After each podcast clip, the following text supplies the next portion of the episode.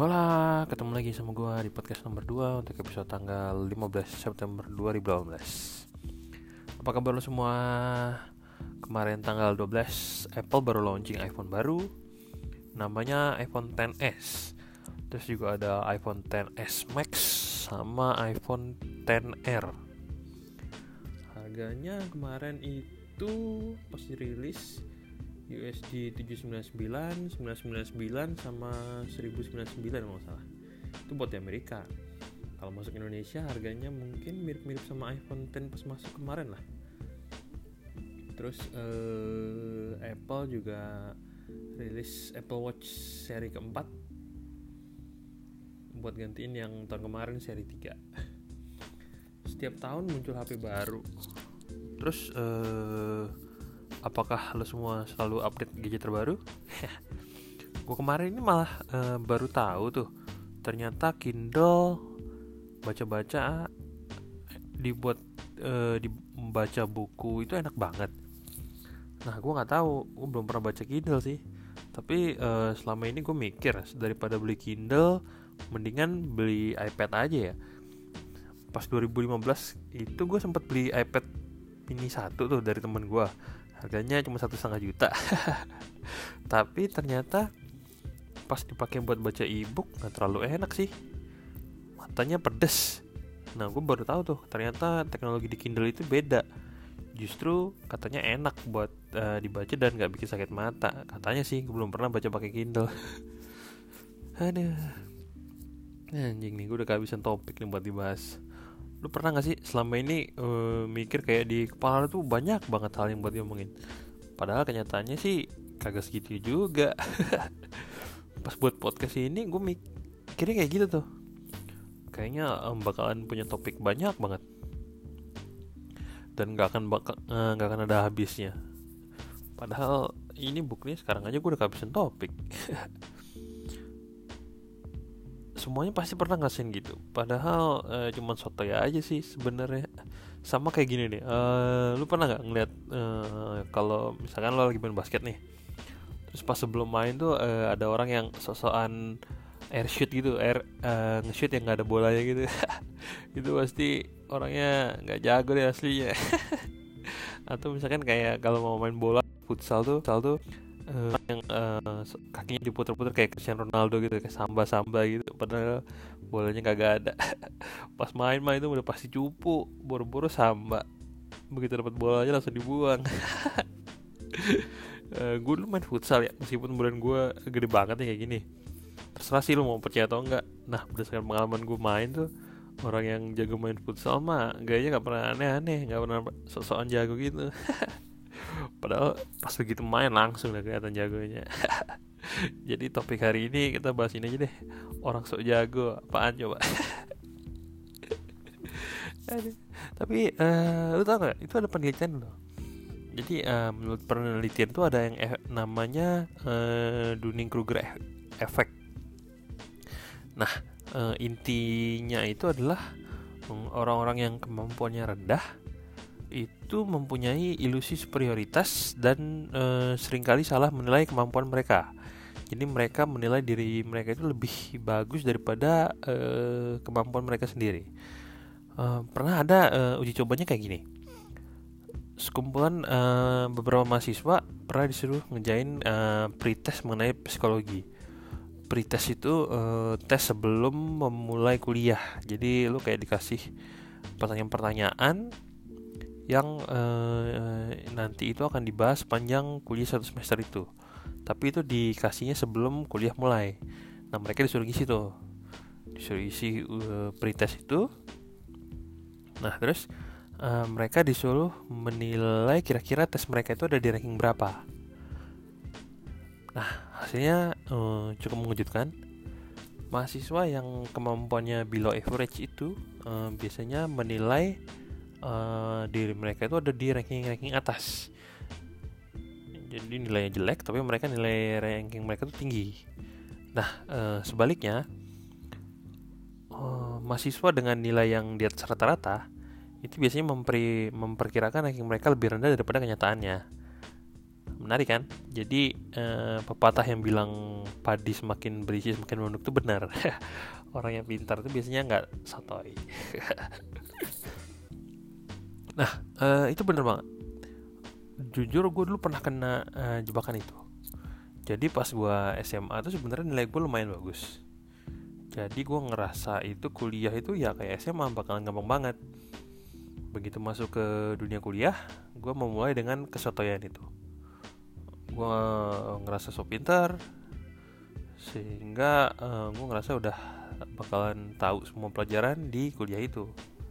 Nah hmm, semester 1 itu uh, eh, IP gue lumayan di atas 3 jadi uh, eh, gue mikir ah kuliah mah gak susah amat sama aja kayak SMA ternyata hasilnya justru berkebalikan. Di semester gue uh, IP gue hancur di 2,5an Nah uh, itu jadi tamparan banget buat gue. Untungnya pas semester semester ke depannya itu ya lumayan lah, gue bisa memperbaiki nilai. jadi uh, eh, IP gue pas lulus di atas tiga sih masih lumayan lah, nggak di kepala dua. Uh, karena itulah gue percaya mengenai teori itu. Begitu lu jadi orang yang sok tahu uh, lu bakalan uh, re resisten terhadap hal-hal baru. Sama kayak gini nih. Hmm, kalau semakin tua lu juga bakalan ngerasain hal yang sama. Paling uh, gampang itu adalah statement mengenai belajarlah dari orang yang muda. Itu bakalan susah banget buat dipraktekin. Semakin lo tua lo akan semakin sok tahu. Begitu ada orang yang lebih muda uh, nyoba nyampaikan pendapat tentang sesuatu hal. Secara otomatis nih otomatis lo bakalan ngerasa ah enak sok tahu nih tahu apaan sih dia soal itu? Nah itu bahaya banget men. Padahal ee, banyak yang bisa lo pelajarin dari anak-anak muda itu. Contohnya paling gampang adalah mengenai perkembangan teknologi. Mungkin hmm, orang yang kayak gue nih yang milenial tua ini itu update teknologinya udah kalah jauh sama yang anak-anak baru yang umur 20-an. Nah, itu adalah salah satu hal yang sebenarnya harus gue pelajarin dari mereka. Tuh, terutama bagi cowok ya. Cowok itu egonya tinggi banget sih. Nah, begitu mereka ngelihat ada anak muda yang nasihatin dia, itu egonya bakalan tergores banget. Makanya itu biasanya mereka bakalan jadi sensitif banget. Hmm, selain itu sebenarnya di hidup ini asik di hidup sebenarnya kita selalu ada uh, dua pilihan di setiap jenjang kehidupan. Yaitu lu mau jadi big fish in a small pond atau kebalikannya small fish in a big pond. Maksudnya uh, ikan kecil di kolam besar atau ikan besar di kolam kecil? Hmm, nih gue kasih contoh ya. Uh, misalkan lo ini pinter tapi sebenarnya nggak pinter-pinter banget. Di atas rata-rata dikit lah. Nah uh, ketika milih sekolah misalkan lo uh, eh, SMP atau kuliah SMP atau SMA terus lo mau masuk SMA atau mau kuliah. Nah itu lo akan uh, bisa milih nih lo mau masuk di sekolah yang bagus banget atau sekolah unggulan di mana di situ berkumpul orang-orang pinter atau lo mau masuk ke sekolah yang sebenarnya biasa aja tapi lo bakalan jadi orang yang eh, pintar di sekolah itu. Nah uh, ini yang gue rasain di cerita gue tadi nih. Gue milih untuk menjadi uh, orang biasa di uh, kumpulan orang pintar. Gue milih untuk menjadi big fish in small eh big balik. Small fish in a big pond. Nah, uh, eh, gue dulu kuliah di UI. Nah, di UI itu menurut gue isinya itu orang-orang paling pinter se-Indonesia lah. Itu orang-orangnya pinter banget. Nah, di UI itu gue itu cuman ikan kecil di antara paus-paus atau hiu-hiu deh di yang ada di UI. Efeknya apa? Yang paling jelas adalah uh, peer pressure. Uh, lo uh, lo tau gak sih lo tuh uh, rasanya kayak gimana rasanya itu kayak uh, lo ngelihat orang-orang itu cepat banget majunya. Sedangkan lo di situ-situ aja. Berat nggak? Buat orang biasa yang kayak gue sih itu berat banget. Kan gue bilang tuh pas semester dulu nilai gue hancur banget. Nah uh, ketika gue ngeliat nilai gue jelek uh, hancur terus gue ngeliat teman-teman gue nilainya tetap tetap tetap bagus wah temak tekanannya itu besar banget. Begitu semester berikutnya teman-teman gue makin uh, nilainya makin tinggi sedangkan gue masih harus ngejar uh, IPK jelek gue di semester 2 itu. Wah itu makin berat banget sih. Tujuan uh, akhir gue sih waktu itu ah bodoh ah yang penting IP gue bisa di atas tiga aja buat ngelamar kerja. Gue nggak peduli deh teman-teman gue mau IP kayaknya berapa. Ada ngomong-ngomong kalau buat ngomongin passion ya itu nggak ada efeknya sih ke gue gue tuh dulu kuliah di UI itu uh, pilihan dapat pilihan kedua. Jadi kalau dibilang itu passion gue nggak juga. Karena pilihan satu gue bukan di jurusan gue itu. Tapi saran gue ya. Saran gue nih buat kalian kan yang baru kuliah asik. Meskipun uh, jurusan kalian itu sebenarnya bukan passion kalian jangan langsung nyerah bre. Selesain aja kuliahnya selesain dengan nilai yang bisa membuat uh, lo survive ntar di dunia kerja Kenapa? Karena menurut gue IPK itu cuma jadi syarat buat kan, buat mm, ngetok pintu perusahaan. Jadi gini, misalkan lo dapet di jurusan yang gak lo mau nih, misalkan lo pengen nanti kerjanya di bidang finance, terus lo dapetnya di teknik gitu, nggak apa-apa, lulusin aja tekniknya. Ntar lo dapet IPK bagus, di dunia kerja biasanya uh, kerjaan di dunia finance itu ngebuka jurusannya biasanya bisa dari mana aja. Jadi lo tetap bisa masuk ke dunia kerja lo nanti itu. Cuman syaratnya itu awal syarat awal itu biasanya dasarnya itu IPK jadi kalau IPK lo bagus ya lo bisa tetap masuk ke bidang kerja lo itu. Jadi eh, begitu IPK lo cocok lo akan dipanggil nanti di wawancara. Nah di wawancara itu IPK udah nggak jadi faktor yang utama lagi sih. Semua itu udah jadi subjektif tergantung yang wawancara lo nanti. Nah itu udah uh, tergantung kecocokannya doang. Kalau misalkan uh, lo pas diwawancara cocok ya dia suka sama lo dan dia yakin lo bakal bisa masuk ke timnya ya udah lo bakalan di hire tapi mau IPK lo 4,0, 4,5, 4,6, 4,7 nggak ada. Kalau misalkan pas di interview lo nggak klik sama interviewernya itu ya lo nggak bakal di hire percayalah sama gue apalagi kalau misalkan nanti kalian mau masuk ke BUMN atau CPNS gitu ya. Itu mah nanti juga bakalan ada tes kayak tes potensi akademik lagi. Jadi begitu kalian masukin CV dipanggil untuk tes udah. IPK itu nggak dilihat lagi sih. Jadi menurut gue kuliah itu sih cuma membantu pola pikir aja sama tanggung jawab. Jadi uh, karena se seberapa kalian gak suka sama jurusan kalian itu ya nanti akan ditentukan oleh hasil belajar kalian terakhir itu. Jadi uh, belajarlah untuk bertanggung jawab sama diri kalian sendiri. Asik nah hal yang sama itu juga bisa diterapin di dunia kerja nih.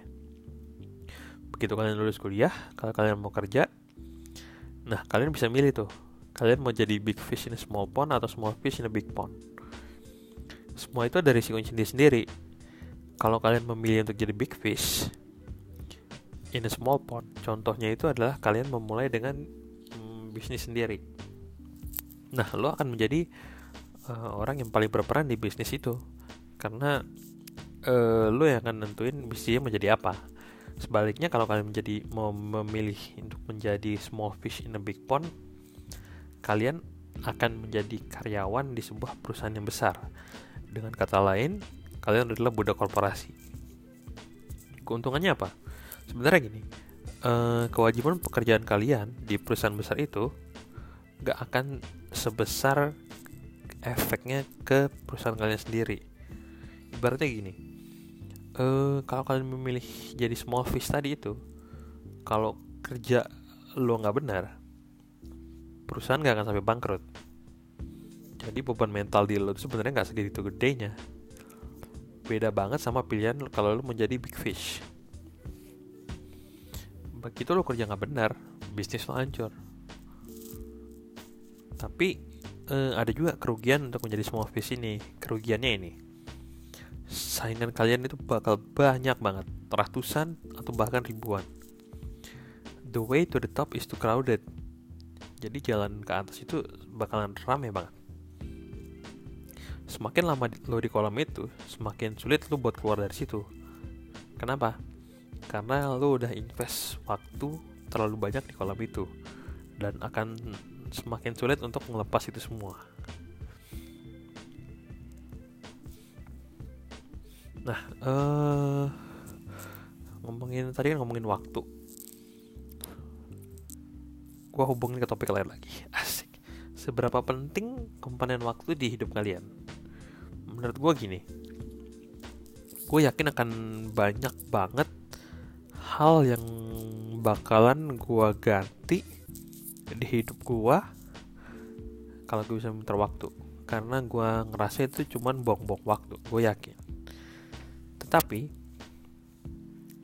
uh, lebih baik buang-buang waktu di usia muda daripada di usia yang hmm, di mana lo sudah mulai harus bertanggung jawab jadi menurut gue sih lo lebih baik uh, buang waktu di usia belasan atau 20-an awal dibandingkan lo malah pengen buang-buang waktu di umur 20-an akhir atau di 30 kenapa?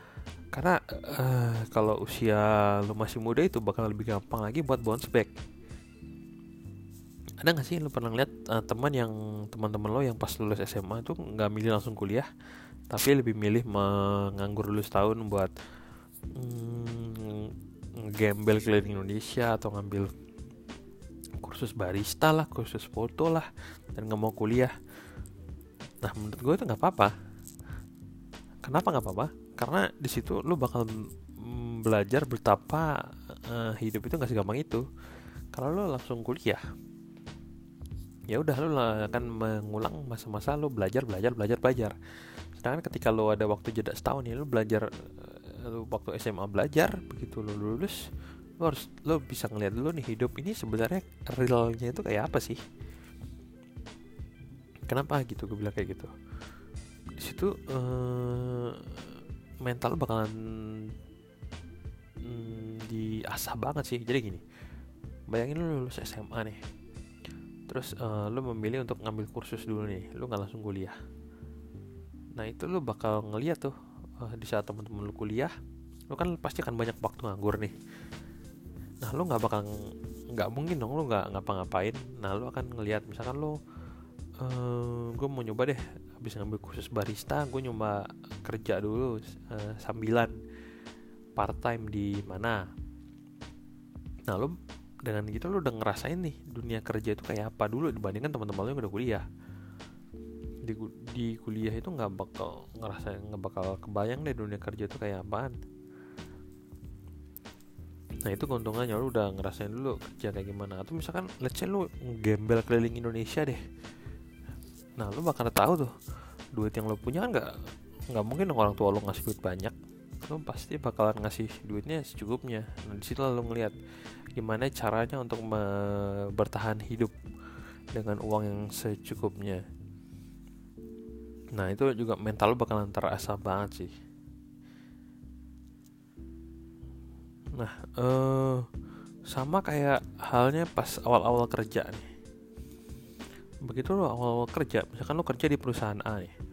Pasti pas awal-awal kerja lo bakal ngerasa nggak nyaman banget sih. Tapi lo jangan langsung bilang, wah ini bukan passion gua nih. Tai lah semua dibilang passion. Menurut gue sih mendingan lo coba dulu bertahan di situ. Uh, tetap kerja di situ, uh, misalkan setengah tahun setahun nah eh, kalau misalkan di tahun depannya lo masih ngerasa nggak nyaman juga ya udah lo tinggal cabut aja kan.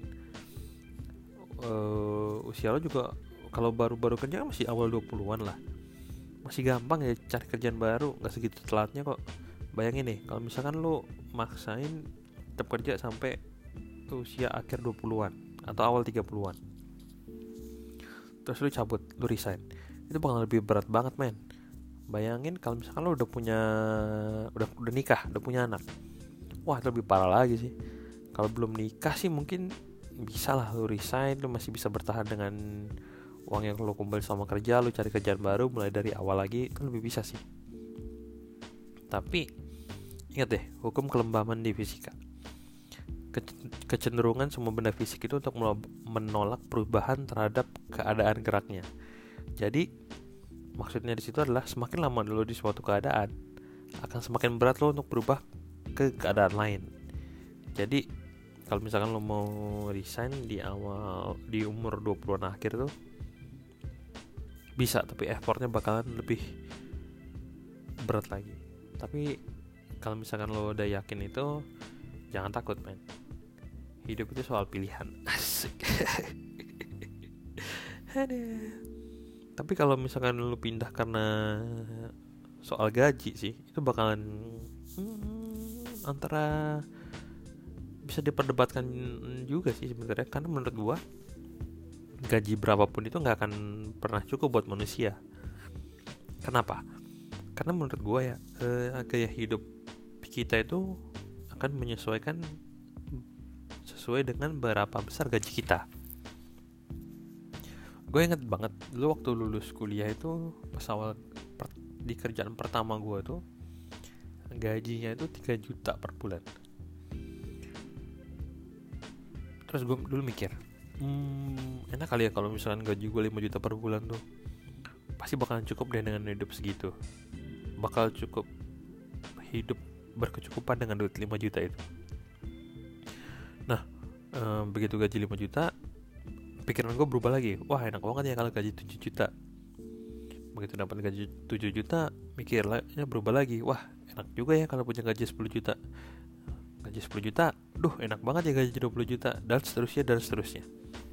Nggak kan ada puasnya. Karena uh, menurut gue ya uang yang lo tabung tuh gak akan bertambah segitu signifikannya juga nih misalkan gini hmm, gaji lo udah naik dua kali lipat dari sebelumnya. Apakah yang lo tabung itu juga bertambah dua kali lipat? Menurut gue sih enggak Mahatma Gandhi pernah bilang uh, the world has enough for everyone's need but not enough for everyone's greed. Artinya semua itu nggak akan pernah cukup buat hmm, kerakusan manusia. Tapi bullshit juga sih kalau misalkan bilang lo nggak butuh uang. Kita butuh uang men. Tapi apakah uh, coba lo pikir apakah uang kita butuhin sebanyak itu? Ataukah sebenarnya kita uh, udah bisa bertahan sih sama kondisi kita sekarang? Dan cuman kita kurang bersyukur aja asik so benar banget sih. Aduh, inti dari podcast hari ini adalah kita harus bersyukur. Asik. Dan jangan pernah takut untuk ngelakuin yang lo pengen di masa-masa muda. Kalau uh, lo udah masuk di usia 20-an akhir nih lo tetap bisa sih melakukan yang lo suka. Cuman lo harus berpikir lebih matang lagi. Jangan cuman ngambil keputusan berdasarkan naluri tapi nalar juga harus dipakai apa coba. Nggak penting banget episode kali ini. Ya deh gitu aja. Kalau jangan lupa ya misalkan uh, kalau lo suka sama podcast ini boleh loh di share ke teman-teman lo. Suruh mereka dengerin juga. Kari-kari aja mereka suka sama podcast ini. Terus nanti yang dengerin podcast ini makin banyak. Kalau mau email masih boleh loh ya ke podcast nomor 2 at gmail.com uh, tulisan semua ya podcast nomor 2 at gmail.com ya udah deh segitu aja. God bless you. Deh.